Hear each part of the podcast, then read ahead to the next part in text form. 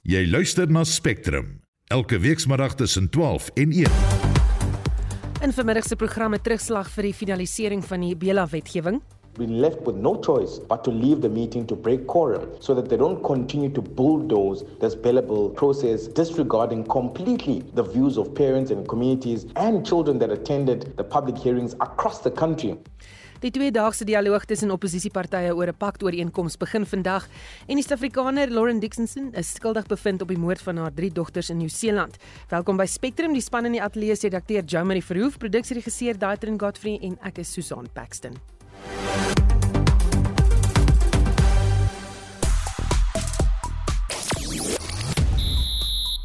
Australië en Engeland pak mekaar vir 'n plek in Sondag se FIFA Vroue Sokker Wêreldbeker eindstryd teen Spanje en nog vier Suid-Afrikaners pak hul tasse vir die Rugby Wêreldbeker in Frankryk.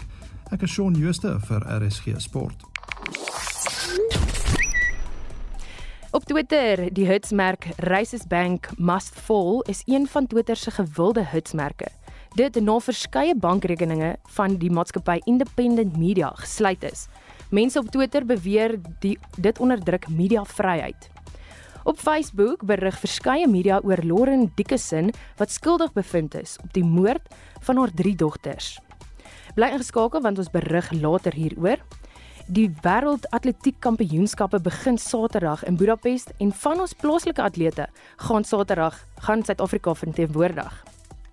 Op Instagram het wetenskaplikes van die Europese Unie bekend gemaak dat die Julie die warmste maand al ooit in Europa was.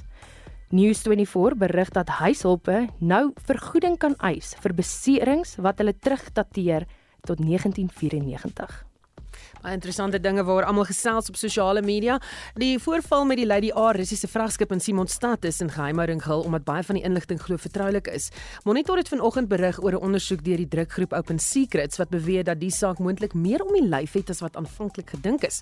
Hier's Open Secrets se direkteur Henny van Vieren. We started our investigation and really looking at some photographs that we had obtained of the vehicles that were parked next to Simonstown on the 8th, 9th, and 10th of December last year. Everyone has focused rightly on the Lady R vessel and what was put on and off it, but there were two big commercial trucks, Jacobs transport trucks from Johannesburg, that were parked at a sports field close to the Simonstown Naval Base, and they were accompanied by three German luxury vehicles. And what Open Secrets managed to obtain were the high resolution copies of photos and the images revealed to us for the first time the actual number plates. And one of those number plates we were then able to trace and find belonged to a front company belonging to Special Forces, Spesmachte, in the South African National Defence Force. And so it puts Special Forces at the Lady R at the moment that the equipment is being loaded on and off. Nou so sê Open Secrets se direkteur Henny van Vieren, die volledige onderhoud is beskikbaar 'n potgooi op RC se webtuiste gaan loer gerus of luister gerus daar. Maar ons sit die gesprek voort en wil by jou weet dink jy geheimhouding is nodig om die land te beskerm? Motiveer jou antwoord in 'n SMS na 45889 teen R1.50 per boodskap of praat saam op RC se Facebookblad. Jy luister na Spectrum elke weekmiddag tussen 12 en 1. En is nou 8 minute oor 12. Die DA en ander oppositiepartye het gister uitgeloop tydens die parlement se klousule vir klousule bespreking van die wysigingswetsontwerp op basiese onderwyswette, oftewel die Bela-wet. Volgens die relevante partye het die voorsitter van die portefeulje komitee vir basiese onderwys, Bongiwe Mnkibo Gigaba, geweier om vrae toe te laat. Die DA se skare minister van basiese onderwys, Bakolile Ndoda, het aan Melanie Forsie gesê hulle is nie oortuig dat alle openbare voorleggings oorweeg is nie. South Africans have participated in the public hearing process through written submissions, oral submissions, and attended all the public hearings we had in the nine different provinces. Yet the report has indicated that it's only analyzed around 26,000 views of the total 34,000 that has been submitted. And you'll find that in the written submissions, only 6,700 views were analyzed out of the 17,400 that were submitted. Now, the question that we were asking is what criteria was used to exclude such a large number of written submissions that were made, yet all other submissions have been analyzed from the public hearings and the submissions that were made via courier box by SATU. Yet written submissions that have been made by parents and communities have not been analyzed by Parliament, and those questions have been put to the parliamentary team that was doing the analysis on the billable, yet no responses were forthcoming, let alone questions. Further questions were allowed to be given. Daar is ook nie toegegee dat die tesourier 'n voorlegging maak oor die beskikbare fondse nie. If you make grade R compulsory, is there going to be funding to build more classrooms, more schools, allocate teachers in those particular schools, make sure that those children have learning material and ultimately have a, a meal in front of them? Hy sê verder, die parlement se regspan moes voordat die klousule vir klousule bespreking begin het, 'n voorlegging doen van enige implikasies op of afwykings van die grondwet. Ook dit is nie gedoen nie. The Parliamentary Legal Services has completely abdicated its responsibility to give guidance to the committee as a requirement. Us, as legislators, we need to take guidance in the Constitution when we deal with the bill of this nature or any law that we make in Parliament. Yet that duty has been abdicated to the DBE's legal officials, um, which, by the way, have drafted this bill. Uitstap was dus die enigste manier om te verhoed dat die proses gestoomroller word. Wanneer uit te stap kon 'n quorum nie bereik word nie. This bill seeks to take away power of some school governing bodies and give it into the hands of the HOD to make a determination on what admissions and language policies will be used at the school, despite the parents and the communities knowing what the capacity of that school is for them to ad- admit children, despite that community and parents knowing what language will be best to use for instruction to make sure that the children get good quality education and they are able to read for meaning. So wat nou? We've now written to the committee chairperson to ask questions that are related to the discrepancies of the bill, and we've given them a timeline to respond to that. We have further made the request that the Parliamentary Legal Services and National Treasury must come and present to the committee before we conclude the clause by clause process. We further escalated the issue to the Chair of Chairs, Cedric Froelich, to report the conduct of the chairperson not allowing members to deliberate on the report that had glaring discrepancies. We will definitely challenge this in all the parliamentary processes that exist at our disposal, and if needs be at a later stage, make sure that we challenge it with the legal institutions that exist. Dit was die DEA se skademinister van onderwys, Pakolile Nodada. Marlene Forsie, SAK nuus. Ons bly by die kwessie en praat met die Vryheidsfront Plus se hoof woordvoerder vir basiese onderwys Wynand Boshoff. Hy het uh, die sessie gister virtueel gevolg en het nou juist die komitee verlaat om met ons te praat hieroor. Goeiemôre Wynand. Hallo Susan, gaan dit goed? Met my gaan dit goed, maar jy het nou gehoor wat die DA gesê het, jou eerste indrukke. Ja, weet jy, eh, dit is eintlik net mooi presies so. Daar's 'n verslag gegee van hierdie uh openbare verhore of openbare deelname. Nou verstaan ek uit die oogpunt van die opstellers van die verslag om uh, by die 30000 insette nou in 'n leesbare verslag saam te vat is nog 'n handvol. Maar dit is hoekom maar ordentlike kans moet wees vir ons as lede om die om vrae te stel oor die verslag en eintlik vandat die verslag die eerste keer aan ons voorgehou is is bespreking daarvan 'n uh, soort van uh gesmoor deur te sê uh okay ons moet hom nou aanvaar of nie. Ons sê terwyl ons het die ding basies uh jy weet 16 uur tevore gekry. Dis 'n 43 bladsye verslag. Gee ons 'n bietjie kans maar ons wil uh vra om opheldering vra. Nee, of ons praat daaroor en ons aanvaar hom of ons doen nou niks nie. En toe gister se vergadering plaasvind en 'n mens wil vra vra, toe sê hulle nee, wat ons het nou voorgestel dat hy goedgekeur word en julle het nou niks verder te vra oor hierdie verslag nie. Dit terwyl ons as lede tog nou by was met hierdie openbare deelname en gehoor en gesien het wat aangaan wat 'n mens nie in die verslag vind nie en dan daai syfers wat eenvoudig nie optel nie. So uh dis 'n groot probleem vandag gaan dit beter. Ek wil nou vir jou vra, jy weet hoe staan sake vandag word daar vordering gemaak wat die relevante vereistes betref en dit wat jy graag daarin wil sien. Ja, die uh, die wetsontwerp bestaan uit 56 klousules. Hulle word nou klousule vir klousule behandel. Nou omdat ons gister die twee verslae gehad het, ek wil net sê die uh, finansiële verslag uh, wel oor die fiskus het eintlik net gepraat oor wat dit ekstra gaan kos om graad R by te bring, maar wat dit gaan kos om al die skoolbeheerliggaamlede in die land se uh, belangeverklaringe na te gaan, hoe jy dit vertroulik gaan hou, 'n IT-stelsel, uh, die goeders is nie bespreek nie. Met ander woorde, die finansiële verslag is heeltemal uh jy weet, kom heeltemal te kort. Maar ons het darm nou al klousule 1 van 56 klaar en ons het nog tot Vrydag om te werk. Nou uh, dis nou maar 'n ironiese manier om te sê ons is nie op pad om klaar te kry nie. Al werk ons tot wie weet watter tyd in die nag. Uh elke punt word gedebatteer. Ons het nou op 'n stadium gesê hoorie maar wag gee ons so net 'n bietjie opheldering.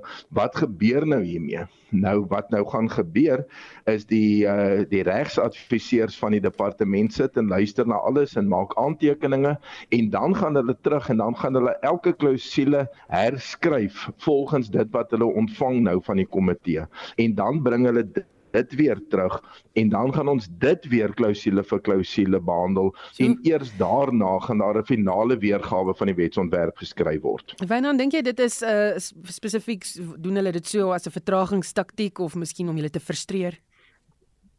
Nee, inteendeel, ek dink hulle sou die ding baie graag wou deurgekry het want volgende jaar Mei maand, volgens die OVK se uh, datum, het ons 'n verkiesing en is glad nie seker dat die ANC terugkom as die meerderheidsparty nie. Ek dink die, die departement doen sy bes en die uh, eh, ANC as regerende party om die ding deur te kry, maar daar is prosesse wat gevolg moet word. En as oppositieparty het ons uit die staanspoort gesê hierdie is 'n bietjie onbekookte wet. Hy's verouderd voor hy begin het en daar sekere uh grondbeginsels van die skikking van 1994 wat hy verbreek en daarom kan ons die ding nie sommer net laat verbygaan nie. Nou as oppositie word ons van 'n vertragingstaktiek beskuldig, maar ek wil daarteenoor sê die vorige onderwyswet is in 1996 aangeneem. Jy neem 'n onderwyswet lyk like my so vir 30 jaar aan. Dan kan jy nie bekostig dat hy al verouderd is voor hy begin nie. Hmm. Baie dankie, dit was Wynand Boshoff, die Vryheidsfront Plus se hoofwoordvoerder vir basiese onderwys. Die volgende 2 dae is nie oor politiek en die politisie nie, maar oor die mense van Suid-Afrika. Dis die openingsboodskap van die DA-leier John Steenhuisen by die tweedaagse koalisiepak onderhandeling wat vandag begin het. Die sogenaamde Moonshot Pact onderhandelinge sal in Kempton Park by dieselfde plek waar die Kodesa samesprekings in 1994 plaasgevind het gehou word. Ons praat nou met 'n politieke ontleder van Unisa, professor Dirk Coetzee. Goeiemôre Dirk. Goeiemiddag Susan. Wat dink jy gaan alles vandag bespreek word? Wat's eerste daar op die agenda of die sakelys? Dink in die eerste instansie ongeag wat spesifiek op die letterlik op die agenda is die die die hoofpunt wat ek dink wat eers ter sprake gaan kom in hierdie hele proses is is vertroue bou. Vertroue bou tussen die verskillende politieke partye. Onthou dat net 'n week of wat gelede was die meeste van hierdie partye in 'n ander soortgelyke gesprek gewees wat die ANC en ander partye wat saam met die ANC is ook ingesluit het. Daar is op hierdie stadium baie wat gesê word oor die feit dat die partye soos Action SA, miskien selfs Vryheid Front Plus en ander skepties is oor die feit dat die DA ook met die ANC praat. Ehm um, so die idee van om 'n 'n sterk basis vir vertroue te skep, ehm um, dit is van absoluut kardinale belang. Saam daarmee is en ek dink daarmee het hulle reeds baie werk gedoen want hierdie proses begin nie vandag nie. Dis 'n proses wat al 'n paar weke aan die gang is onder leiding van professor William Gumede van Wits. Ehm um, en dat die die uitkoms van hierdie prosesse gaan nou uh, in die openbaar of vir al die partye op die tafel gelê word. En dit dit sluit in aspekte soos byvoorbeeld wat is die gemeenskaplike waardes wat al hierdie verskillende partye ondersteun. Ehm um, en op grond van die waardes, wat is die tipe van beleid wat hulle sal kan ondersteun? Wat is die gemeenskaplike elemente van 'n beleid? Wat hulle gemeenskaplik sal kan ondersteun. Dink ons moet ons onthou al hierdie partye sê hulle wil hulle eie identiteit behou, hulle wil hulle eie onafhanklikheid behou. Hulle wil nie opgeslurp word in een groot nuwe entiteit nie. Um en daarom gaan daar sekere aspekte van hul beleid wees wat nie noodwendig in so 'n gemeenskaplike beleidspakket ter sprake gaan kom nie. En dit is waaroor hulle moet praat van wat is wat is onderhandelbaar en wat is nie onderhandelbaar as dit kom by beleidsaspekte nie. Sê vir my, dink jy daar sal na die twee dae ooreenkoms bereik word?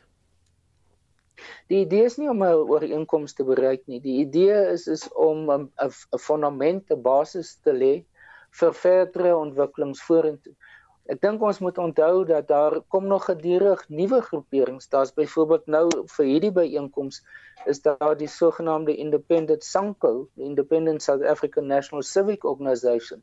Nou die die oorspronklike SANCO is deel van die drie-party alliansie van die ANC en die Kommunistiese Party. So dis 'n weg wegbreek groepering wat nou by hierdie groepering aangesluit het. Um en hulle het maar baie onlangs by die proses betrokke geraak. Um en daar's nog ander wat in die pipeline is. Um so die idee om nou 'n ooreenkoms te kan bereik gaan vroegtydig wees. Um dit is eerder soos ek sê om 'n baie belangrike soliede basis te lê. Want ek dink ons moet in gedagte hou dat na die verkiesing het hulle omtrent net 14 dae om 'n werklike koalisie te kan formaliseer. Sê vir my hoe belangrik is dit hierdie 2 dae in die land se politiek?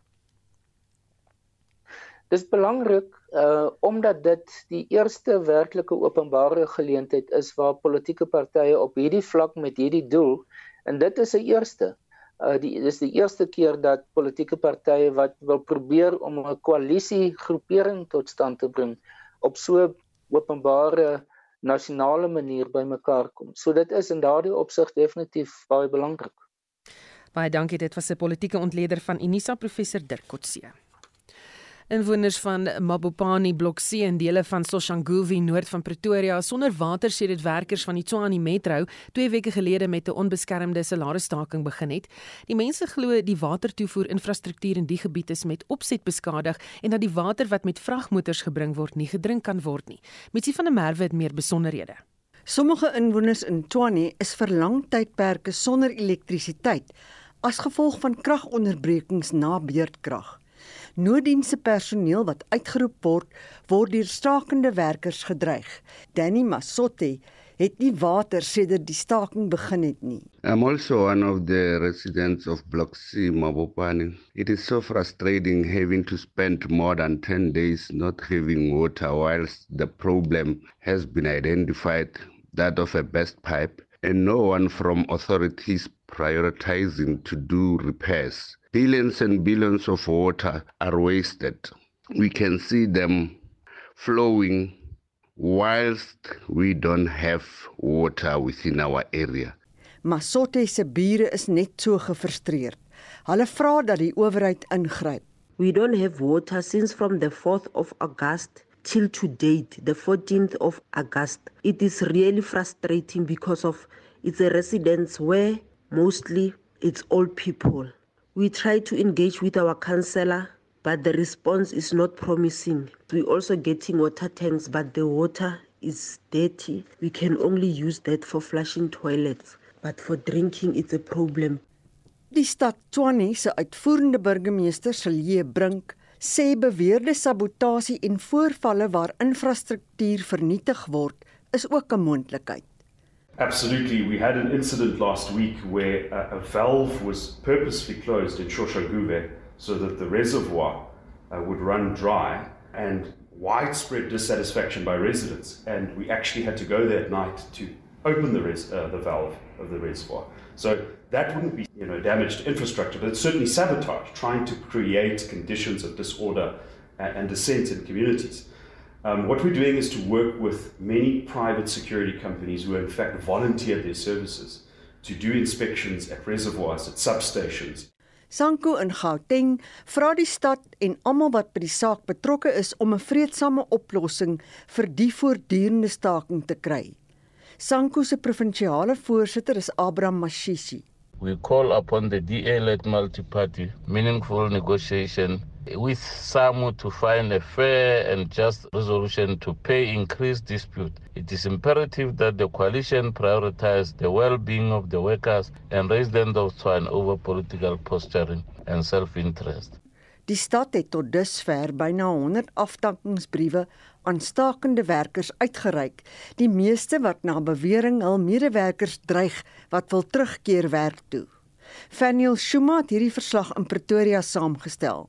Mitsi van der Merwe, SAK nuus. 'n Ma wil of voor ek dit sê nog 6 munisipale werkers is gistermiddag afgedink of afgedank volgens 'n verklaring was hulle die sleutelfigure agter die onbeskermde staking. En miskien as jy in die omgewing bly, laat weet vir ons hoe ervaar jy uh, hierdie dienslewering onderbreking. Daar by ons uh, sien ek dat die vullishope al hoe groter word en mense hulle vullis nou op die sypaadjies begin gooi. Stuur vir ons 'n SMS sê vir ons uh, wat ervaar jy 45889 onthou SMS se kos R1.50. 'n Ma wil geregtigheid hê vir haar kind wat blykbaar gebrand het in 'n voorval van geslagsgebaseerde geweld in Mabitsi buite Lebakgomo in Limpopo. Die 2-jarige is beseer toe hulle huis na bewering met 'n petrolbom gegooi is deur 'n man wat vermoedelik in 'n verhouding met 'n familielid was. Die voorval het plaasgevind na 'n geskil. Die ma Koketsto Matabata sê die polisie by Malipsdrift het geweier om 'n saak oop te maak en het in plaas daarvan aangebied om 'n tussenkoms tussen haar en die familie van die vermoedelike oortreder te wees. Die 2-jarige kind het erge brandwonde op haar gesig, kop en linkerarm opgedoen nadat 'n petrolbom glo deur die slaapkamervenster gegooi is. Die ma, Koketso Matsabata, is ook gewond. Die verdagte wat aan die polisie bekend is, is nog op vrye voet. Matsabata sê sy het probeer om 'n saak by die Maliepstrif polisiestasie oop te maak, maar dat die ondersoekende beampte haar probeer oortuig om die saak te laat vaar. I don't get help from the police. When I ask how far the case is going, they don't tell me anything. Modiba once called me saying, Matabata family want to offer me a cow and a goat to withdraw the case. And I asked if they would do it if their child was like this. They never replied. Makanutu came to me asking why we don't discuss this matter as a family because the case is heavy for him. He doesn't know how to deal with it. Volgens Matsabata het die voorval haar kind vermink en sal sy nou moet aansoek doen vir 'n maatskaplike toelaag om vir die kind te sorg. Maatskaplike werkers het haar egter glo weggewys. I asked to get Sasa because the child's eyes don't close when she's sleeping, and now it is summer. She's releasing things from the eyes. I don't know what happens to the eyes. When I cover her up when it is cold, she gets hot and the blankets reek of smoke. When I went to the social workers to tell them my place got burnt, they did not give me anything. They said I reported the incident late. I spent the whole winter using one blanket. Die ouma Gloria Matabata vra dat die regering berading aan die slagoffers bied. All the kids here at home are not comfortable when they see the child, especially me as the grandma, because when this accident happened, my spirit did not allow me to sleep at home. I found myself taking the kids and going to sleep at other people's places. Volgens die woordvoerder van die Limpopo Polisie, Malesela Ledwaba, is daar 'n interne ondersoek geloods om die beweringe teen die ondersoekende beampte van die Maliepsdrift polisiestasie te ondersoek. Hierdie verslag is saamgestel deur Bonnie Makgopa, ek's Anmina Eckart vir SAK nuus. Die Suid-Afrikaner, Dr. Lauren Dickinson wat die afgelope 4 weke in Nieu-Seeland reggestaan het op haar drie dogters se moord, is skuldig bevind aan moord. Die 12 jurylede in die Hooggeregshof in Christchurch het nie meer as 14 ure beraadslaag en 11 teen 1 beslis dat sy skuldig en nie kranksinnig was toe sy die moorde in 2021 gepleeg het nie. Dickinson het stil in die beskuldigde bank gestaan en saggies gehuil toe sy uit die hof gelei is. Haar ouers het na die uitspraak gesê dit was 'n aftakelende geestesgesondheidsiekte wat tot die dood van haar drie jong kinders gelei het. Ons praat nou oor wat nou in die regsproses voorlê met die strafregkenner advokaat François Botes. Goeiemôre François. Goeiemôre en goeiemôre luisteraars. Die staat het derentyd volgehou dat Dickinson se verweer dat sy nie toerekeningsvatbaar was toe sy die moorde gepleeg het nie verwerp moet word wat gebeur het is die die die hof het bevind dat Dickinson was bewus gewees van wat sy gedoen het en baie belangrik dat sy oor 'n baie lang tydperk het sy oorweging daarin geskenk hoe sy te werk gaan gaan om hierdie patologie binne in haar eie persoonlike emosionele omstandighede hoe sy uitvoering daaraan kan gee. En dit is hoekom die hof bevind het dat dit was voorbedag dat sy hierdie moord beplan het En dan eh, weet dis baie hartseer storie. Talle sielkundiges en psigiaters wat in diepte onderhoude met Dickinson gevoer het, is geroep om te getuig. Die kenners se menings het ook maar van mekaar verskil in sekere opsigte. Hoe belangrik is die getuies en die getuienis in hierdie saak?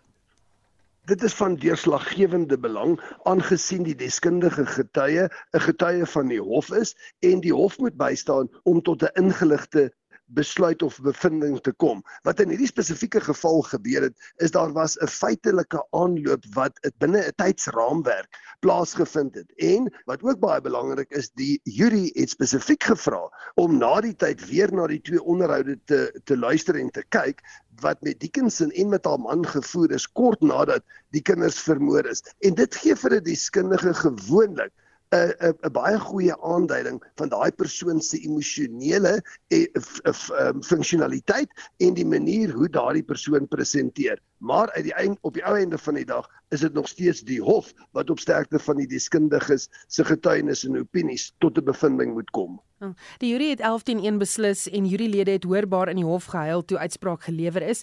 Die onus rus steeds op die staat om die misdaad bo redelike twyfel te bewys. Maar die besluit moet geneem word deur mense van die samelewing.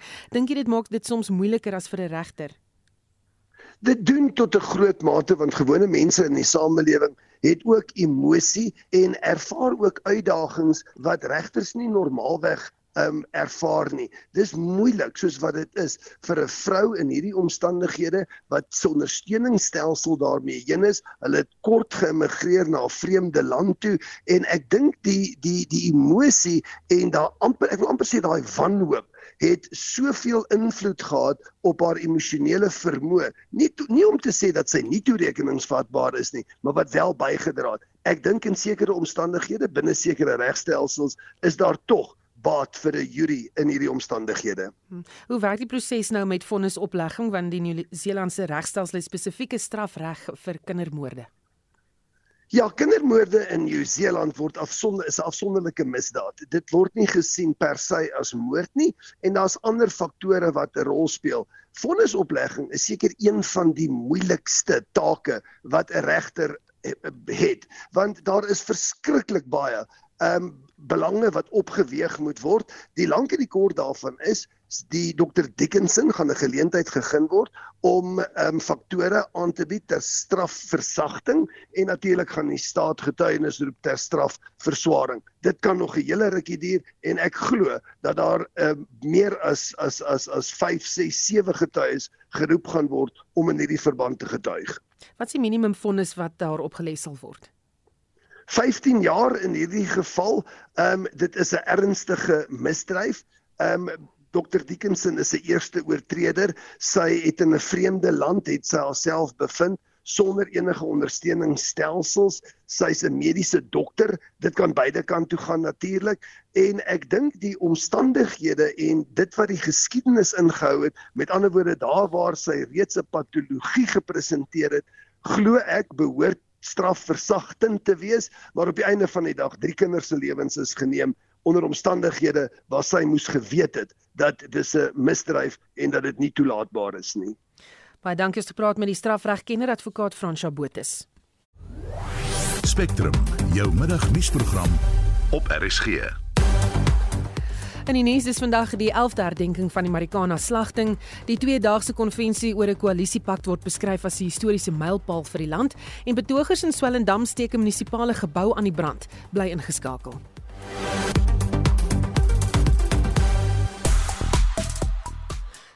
Nou ja, ons het vir jou gevra wat dink jy moet daar geheime gehou word om die land te beskerm? Iemand wat sê goeiemiddag, hoe kan geheime hierdie land beskerm? Die grootste geheim dat ons nie 'n volle funksionele weermag het nie is wêreldwyd bekend. Dit's vir Johan wat so sê. En dan sê anoniem geheimhouding beslis nodig indien dit die veiligheid van die land sou bedreig. Dis nodig dat 'n uh, verdagmakery sonder goeie gronde wat nadelig vir ons veiligheid mag wees as onverantwoordelik beskou moet word. Um, en die party moet sulke verdagmakery staak sê die persoon. En dan sê teens van Betal, wie gaan nie geheim hou? Dis 'n goeie vraag. Ehm um, dan is daar luisteraar wat laat weet in Pretoria Noord het ons elke dag kragonderbrekings wat partykeer tot 11 dae vat om herstel te word en water loop al van Februarie af in die strate met verwysingsnommers vir alles en daar word steeds niks gedoen nie en ek neem nou maar aan dis nou met verwysing na daai staking die afgelope ruk maar lyk like vir my is groter probleme al lank al in die Swani Metro. Ek kan steeds saamgesels 45889 SMS se kos R1.50. Dit is tyd vir die jongste sportnuus met Shaun Jooste. Goeiemôre Shaun. Middag Susan. Die groot vraag vandag is gaan die Matildas geskiedenis maak by die FIFA vroue sokker wêreldbeker? Ja, Susan, dit is natuurlik beslis moontlik. Nou mede gasheer Australië en Engeland pak mekaar op die oomblik in die tweede en laaste halfeindstryd by die Wêreldbeker toernooi. Nou Australië beoog om die eerste span sedert die FSA in 1999 te word om die trofee op tuisbodem te lig. En onthou dat Engeland in April 'n vriendskaplike wedstryd met 2-0 geklop en dit is Engeland se derde agtereenvolgende verskyning in die halfeindronde, die telling na so 30 minute 0 elk. Dan Manchester City en Sevilla takel mekaar vanaand 9uur in Griekeland in die UEFA Superbeker wat 'n kragmeting tussen die vorige seisoen se kampioene en Europese liga wenners is. Dit is City se debuut terwyl Sevilla vir die 7de keer in die eindstryd speel waarvan hulle nog net een keer kon wen en dan vanaand in die DStv Premierliga draf seker Koene half 8 teen Marokko Swallows op die veld uit. Skotland het vier Suid-Afrikaners by hulle rugby wêreldgroep ingesluit en die Suid-Afrikaanse direkteur van rugby Rassie Erasmus se naam verskyn op 'n uierse kortlys. Ja, dis dat die WPNL en Piers Kuman asook die vleuelsdoan van der Merwe en Kyle Steyn sal Skotland by die Wêreldbeker verteenwoordig en hulle kan ook moontlik in Skotland se eerste wedstryd teen die Springbokke te staan kom. En dan volgens berigte sal is is eerder is Erasmus op die kortlys vir die rol van presteringsdirekteur by die Ierse Rugby Unie. Nou SA Rugby het wel voorheen gesê Erasmus het 'n kontrak met die Unie tot 2025, so ons sal die berigte en verwikkelinge fyn dophou. En dan net laastens, drie van die Springbok spelers op die bystandlys vir die Wêreldbeker in Frankryk draf Vrydag vir die Barbarians teen Samoa op die veld uit. Dit hulle is die hakker Joseph Tweba, die slot Jean-Luc Depree en dan die skrimskakel Charles Jantjies. En dit was Shaun Jooste vir RSG Sport. Jy luister na Spectrum. Elke weekmiddag tussen 12 en 1. So bykans 12:37 vandag 11 jaar gelede is 34 mense doodgeskiet tydens 'n mynwerkerstaking op die Koppie buite Marikana. Die mynwerkers wou hoër salarisse hê, maar het uiteindelik met hulle lewens geboet toe die staking gewelddadig geword het.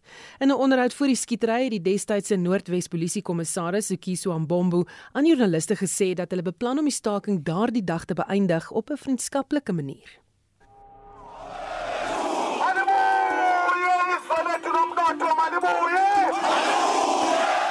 The plan is that uh, we intend to ensure that today we end this strike. But uh, we intend to make sure that we end it in the best way that we can in an amicable solution. Mbombo het ook toegesê dat die werkers se staking nie beskermd is nie. It's illegal because they don't have any authority in terms of that very same act you are saying to gather in that fashion in a public space. Um, I, I'm not sure about the whys because that can be maybe responded to by either the mine management or the two unions that are seemingly uh, affiliate, uh, those people are affiliates of.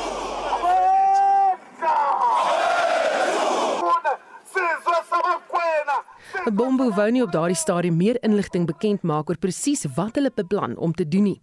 Mynwerkers wou ook aanvanklik nie met die media praat nie, maar slegs met die mynwerkersvakbond AMKU. Joseph Mutunjwa, die president van AMKU, het twee keer probeer om die mynwerkers te oortuig om die staking op te hef. Maar sonder sukses. Hy het mynwerkers meegedeel dat die regering die gebied 'n veiligheidsone verklaar het en letterlik op sy knieë afgesak het en werkers gesmeek het om die gebied te verlaat.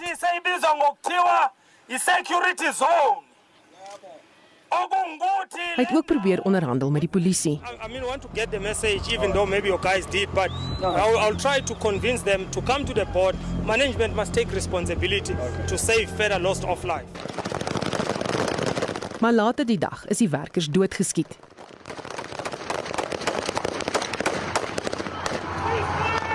Tientalle mynwerkers sal na verwagting vandag by die Marikana Koppie naby Rustenburg in Noordwes byeenkom om die dood van die 34 mynwerkers tydens die tragedie 11 jaar gelede te herdenk. Joseph Matunjwa sal na verwagting die hoofspreker wees by vandag se herdenking. Hy sal vergesel word deur die weduwees van die 34 slagoffers. Nou ons praat nou verder met ons verslaggewer in Noordwes Lizet Labeskagni wat die dag van die tragedie daar was en die storie steeds volg. Goeiemôre Lizet. Goeiemôre Susan. So wat gebeur alles vandag? Vandag natuurlik die 'n groot dag vir um, Marikana vir Amko en ook vir die mynwerkers daar. Ehm um, dis nou 11 jaar sedert die voorval waar die 34 mynwerkers doodgeskiet is. Ons het vanoggend al vroeg gesien dat hulle die tente daar opgestel het en die mynwerkers wat hierdie jaar bietjie later ehm um, daar opgedaag het as gewoonlik. Ehm um, gewoonlik hier by 6uur 7uur se kant begin hulle al opstaan en by die koppie bymekaar kom. So ehm um, het so uur terug het ons gesien dat Joseph Mutunja daar opgedaag het en die program so 'n paar minute gelede begin. Natuurlik ehm um, behalwe vir die weduwees ook ehm um, regsverteenwoordigers van 'n uh, paar um, groepe wat ook daar teenwoordig is en dan verwag ons dat Mutunja so teen 4 uur se kant dan die mynwerkers sal toespreek. So wat het gebeur met al die hofsaake en ondersoeke na daardie gebeure? Susan natuurlik weet ons die ehm um, Farm kommissie is aangestel eh, 'n paar dae na die ehm um, Marikana skietery. Ehm um, 153 miljoen rand wat spandeer is aan 300 dae van die Marika ehm um, Marikana kommissie en van die bevindinge wat gemaak is is dat polisiebeamptes daar verantwoording moet doen vir die dood van die 34 mynwerkers. Dit is nou 11 jaar later en ons verstaan dat die ehm um, vervolgingsgesag ehm um, laas jaar jaar die dossier ontvang het van die polisie se onafhanklike ondersoekdirektoraat en ons verstaan van die ehm um, howe dat dit 'n baie groot dossier is wat hulle nou moet deurgaan. Ongelukkig lyk dit vir my asof hulle toe probleme gehad het met hulle ehm um, uh, menslike hulpbronne hier in die Noordwes en hulle kon nog nie na hierdie dossier kyk nie. So dis nou basies 'n jaar wat hulle dossier gehad het en hulle het nog nie um, enige bevindinge gemaak of enige iemand vervolg moet word nie. En dit is 'n groot bekommernis veral vir die um, weduwees van die 34 mynwerkers. Ons het gesien dat daar wel siviele eise is wat ingestel is teen grootliks die polisie omdat hulle um, mynwerkers onregmatig daar in hegtenis geneem het en ook vir die um, mynwerkers wat beseer is tydens die voorval en miljoene rande se siviele eise daar um, reeds uitbetaal en ons verstaan in maart maand hierdie jaar het die um, vervolgingsgesag ook besluit dat hulle nie 'n groot groep mynwerkers gaan vervolg wat deur die polisie in hegtenis geneem is en aangekla is dat hulle verantwoordelik was vir die dood van die mynwerkers by Marikana nie so 'n paar maande gelede is daardie klagtes toe nou gestaak so dit is waar ons is in terme van die um, regsaspekte maar niemand wat nog krimineel vervolg is vir die voorval op die 16de Augustus nie. As jy met die gemeenskap daar praat, hoe voel hulle oor die gebeure en alles wat daarop gevolg het? Dit is baie interessant om nou terug te gaan Marikana toe. Daar is 'n um, redelike groot ontwikkelings in die area, formele behuisingsprojekte wat daar begin is en um, ook 'n ander groot bekommernis is dat die um, plaaslike gemeenskap um, besig is om uit te brei en reg op die grond waar die Marikana skietery plaasgevind het, hulle huise op te stel tot so 'n mate dat um, Amko gister gesê het hulle is bekommerd dat oor 'n jaar of 2 daar glad niks meer van daardie um, omgewing oop gaan wees vir hulle om hulle um, uh, jaarlikse ehm um, gebeure te hou nie. So dit is nog 'n bekommernis. Ons het nie vreeslik formalisering van die area gesien nie. Daar is 'n paar behuisingsprojekte, maar dit is nog grootliks ehm um, geen elektrisiteit nie, geen water nie. Ehm um, en die gemeenskap daar sê hulle voel dat ten spyte van die feit dat hulle wel meer betaal word um, na hierdie voorval het hulle onmiddellike omgewing en hulle sosio-ekonomiese omstandighede steeds nie verander nie. Ons weet dat die myne grootliks verantwoordelik is vir die ontwikkeling van die areas. Ehm um, skole word wel gebou ensovoorts, maar die onmiddellike omstandighede daar het steeds nie vreeslik verander nie. Baie dankie dit as 'n verslaggewer in Noordwes Lizetla beskag nie. Die familie van 'n man wat na bewering aan natuurlike oorsake in Mosambiek dood is, vermoed gemeene spel. Johnny Mshlanga se familie eis dat 'n autopsie in Suid-Afrika gedoen word om die oorsaak van sy dood te bepaal, maar is deur owerhede hier ingelig dat 'n tweede nadoetse ondersoek nie uitgevoer kan word nie. Esie de Klerk berig.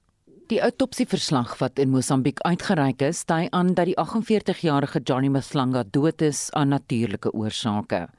Sy familie hou egter vol dat beserings aan sy liggaam moontlik daarop dui dat hy voor sy dood gemartel is en hulle vermoed dat 'n video waarin 'n man deur 'n polisiepakkie agterna gesleep word en wyd op sosiale media versprei is, moontlik met Mthlanga se dood verbind kan word.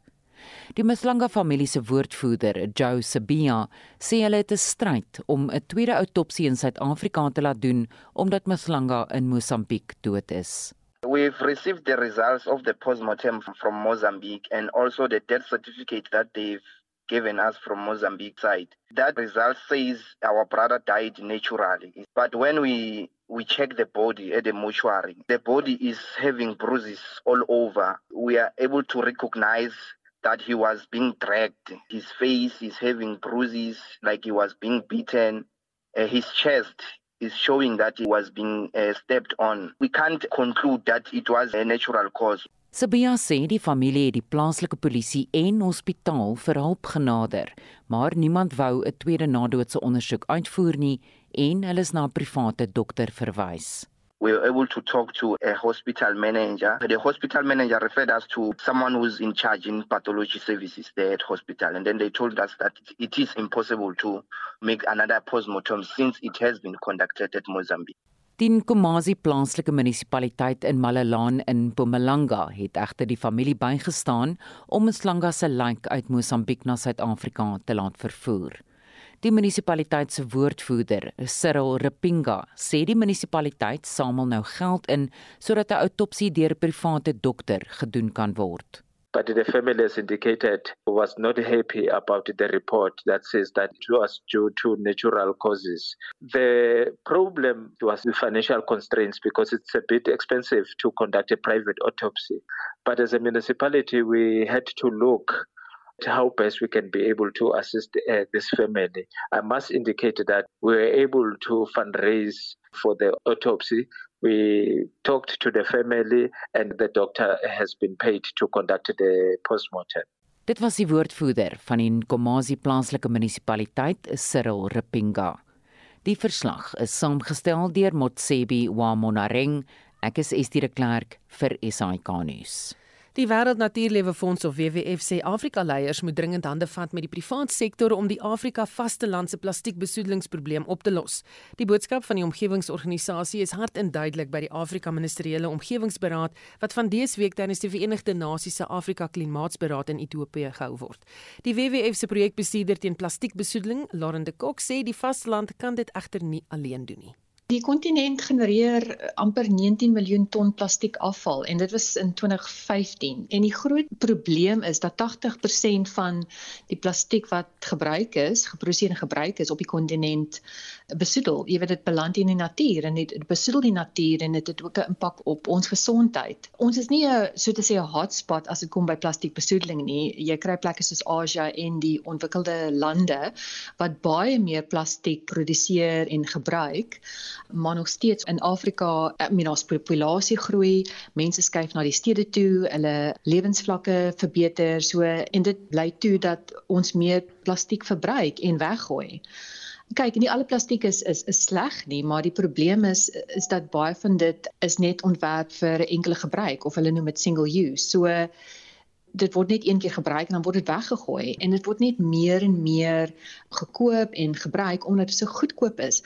En dis meer produksie gebruik probleem. Dis nie net 'n afvalprobleem, maar die ding is in Afrika ook het ons 'n probleem met afvalbestuur en dit lei ook na baie meer besoedeling en dat dit beland in die natuur. Dis 'n baie komplekse stelsel, dis 'n komplekse probleem, maar definitief die die vasteland moet iets doen hieromtrent. Wat kan gedoen word om hierdie lande in die kontinent uh, te help om hierdie besoedelingsprobleem en plastiekprobleem op te los?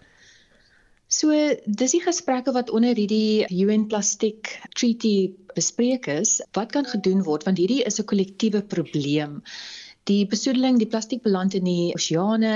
Dit is 'n wêreldwye kommoditeit wat tussen lande geproduseer word en verbruik word en alles so. Daar moet regulasies wees en dis hoekom hulle praat van hierdie global obligations and measures. Daar moet baie meer streng regulasies en ja wat nodig is op die globale vlak vir lande om nou meer regulasies en doelwitte in plek te stel sodat ons hierdie probleem kan beter bestuur. Dis ook regulasie, maar besighede moet ook of die private sektor moet ook na die partytjie toe kom en sê ons is bewus van die probleem. Wat gaan ons binne ons internasionale besighede kan doen om die plastiekprobleem te bestuur? En ook deel van hierdie hele gesprekke by die UN is om hierdie fondse te beskikbaar te maak vir lande, vir ontwikkelende lande om hierdie regulasies in plek te stel om te implementeer. Daar is nie altyd die tegnologie, daar is nie altyd die investering reg deur die lewensiklus van plastiek om dit beter te bestuur sodat dit nie die natuur besoedel nie. So belangrik is dit dat die kontinent, die lande op die kontinent nou hulle self daartoe verbind om hierdie plastiekprobleem op te los en jy weet te bestuur. Ek het al gesê hierdie plastiekbesoedeling probleem is 'n simptoom van mislukkings in elke stadium van die plastiek lewensiklus. So dit gaan 'n groter en groter probleem raak op die kontinent. Ons het nie op die stadium baie effektiewe regulasies nie. As jy kyk na die African Free Trade Agreement, dit beteken ons kan enige plastiek in enige land invoer en uitvoer byvoorbeeld. So daar moet 'n gesamentlike wat se um, understanding wees van die probleem en hoe gaan die kontinent nou dit verder vat in 'n regulasie al is dit 'n regulasie op 'n nasionale vlak maar ook op die vasteland vlak. Ja, en die persoon wat daar gesels het was die WWF se projekbestuurder teen plastiekbesoedeling Lauren de Kok. So in die gees van Vroue Maand word die lewe van 'n besonderse vrou van die Sentraal Karoo in die Wes-Kaap gevier. Nie net vir haar bydrae tot die Angora boere uh, boerderybedryf nie, maar ook omdat sy pas 100 jaar jonk geword het. Tanya Krause doen verslag.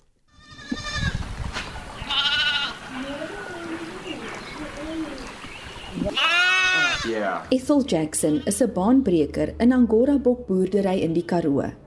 Sy boer sedert 1950 met die bokke en was die eerste persoon wat met die tipe boerdery in Beaufort Wes begin het.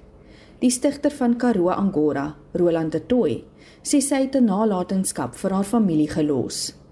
Ja, jy weet, sy was een van die eerste vrouens um, wat in hierdie Beaufort Wes area met Angora bokke begin boer het.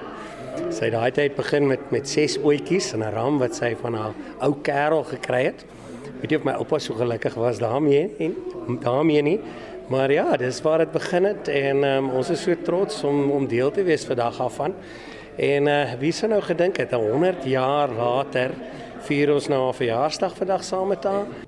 Jackson het as 'n verpleegster tydens die Tweede Wêreldoorlog gewerk en beseerde soldate versorg. Daarna het sy getrou en op 'n plaas in die Karoo kom neskop. Geslagte later het haar kleinkinders die boerdery oorgeneem. Sy sê sy het 'n groot liefde vir alle diere, nie net vir haar Angora bokkies nie. I love all my animals. We've got dogs and cats and these darling little lambs. These are your aunties. My little aunties. I'm a very lucky granny. Familie en vriende was opgewonde om haar mylpaal saam met haar te vier. Ronald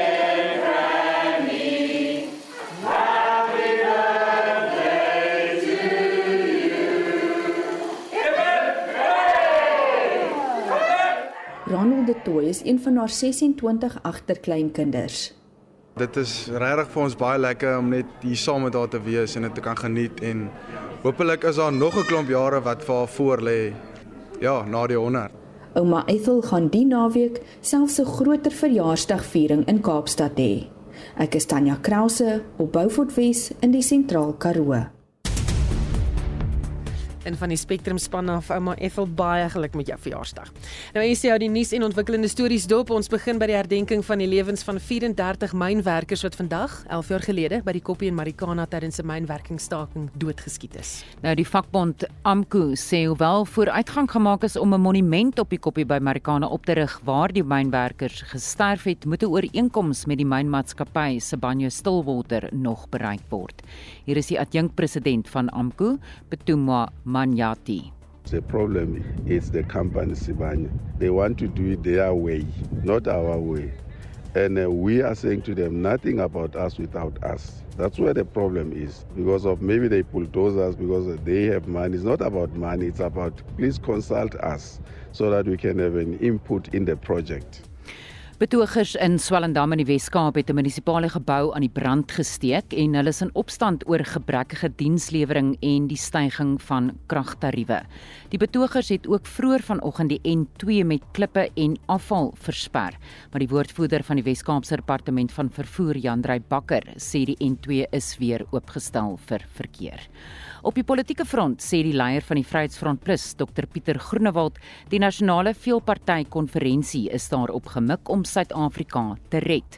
Groenewald het by die tweedaagse samesprekings van oppositiepartye in Kempton Park in Johannesburg gesê partyleiers moet 'n voorbeeld stel deur saam te werk.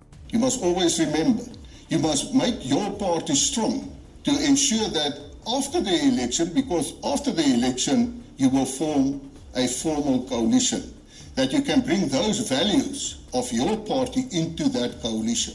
That is most important. But we must work hard. The Freedom Front Plus is willing to work hard and work together to ensure that we save South Africa. Huldeblyke stroom in vir die bekende Kaapstadse balletdanser Johar Mossewal wat in die ouderdom van 95 oorlede is. Hy is in distrik 6 gebore en het tydens die apartheid-era talle struikelblokke oorkom en internasionaal as 'n hoofdanser vir Engeland se Royal Ballet Agentskap gedans. Die Wes-Kaapse minister van Kultuur en Sport, Anru Mare, sê Mossewal was 'n legende wie se verhaal spreek van triomf in 'n donker tyd in Suid-Afrika. En in internasionale nuus sê die stigter van 'n elektroniese motorvervaardiger in Vietnam die 5de rykste man in Asië geword. Finfast se aandele het binne enkele ure die hoogte ingeskiet toe dit op die New York se Nasdaq gedebuteer het. Die BBC se Ben Lowing berig. Pham Nhat Vuong, already Vietnam's wealthiest person, was the big winner for the listing. He became $39 billion richer in a matter of hours. A market capitalization value of over $85 billion placed VinFast above the American giants Ford and General Motors. But it was only the first day's trading. Stock prices are likely to swing around significantly. But it's a vote of confidence from Wall Street in the future of electric vehicles. VinFast's production costs in Vietnam are far lower than those of American competitors such as Tesla. En onthou kom in te skakel vir Brandpunt om kwart voor 6 vanmiddag vir 'n opsomming van jou dag se nuus. En dit was Essie de Klerk met 'n oorsig van die nuus en ontwikkelende stories van die dag. Onthou vorige uitsendings van al ons nuusaktualiteitsprogramme is op rsg.co.za beskikbaar. Ons genoem is soos uitvoerende regisseur Nicoline de Wee, die redakteur Jamie Verhoef en ons produksieregisseur Daitrin Godfrey. My naam is Susan Paxton. Geniet jou middag.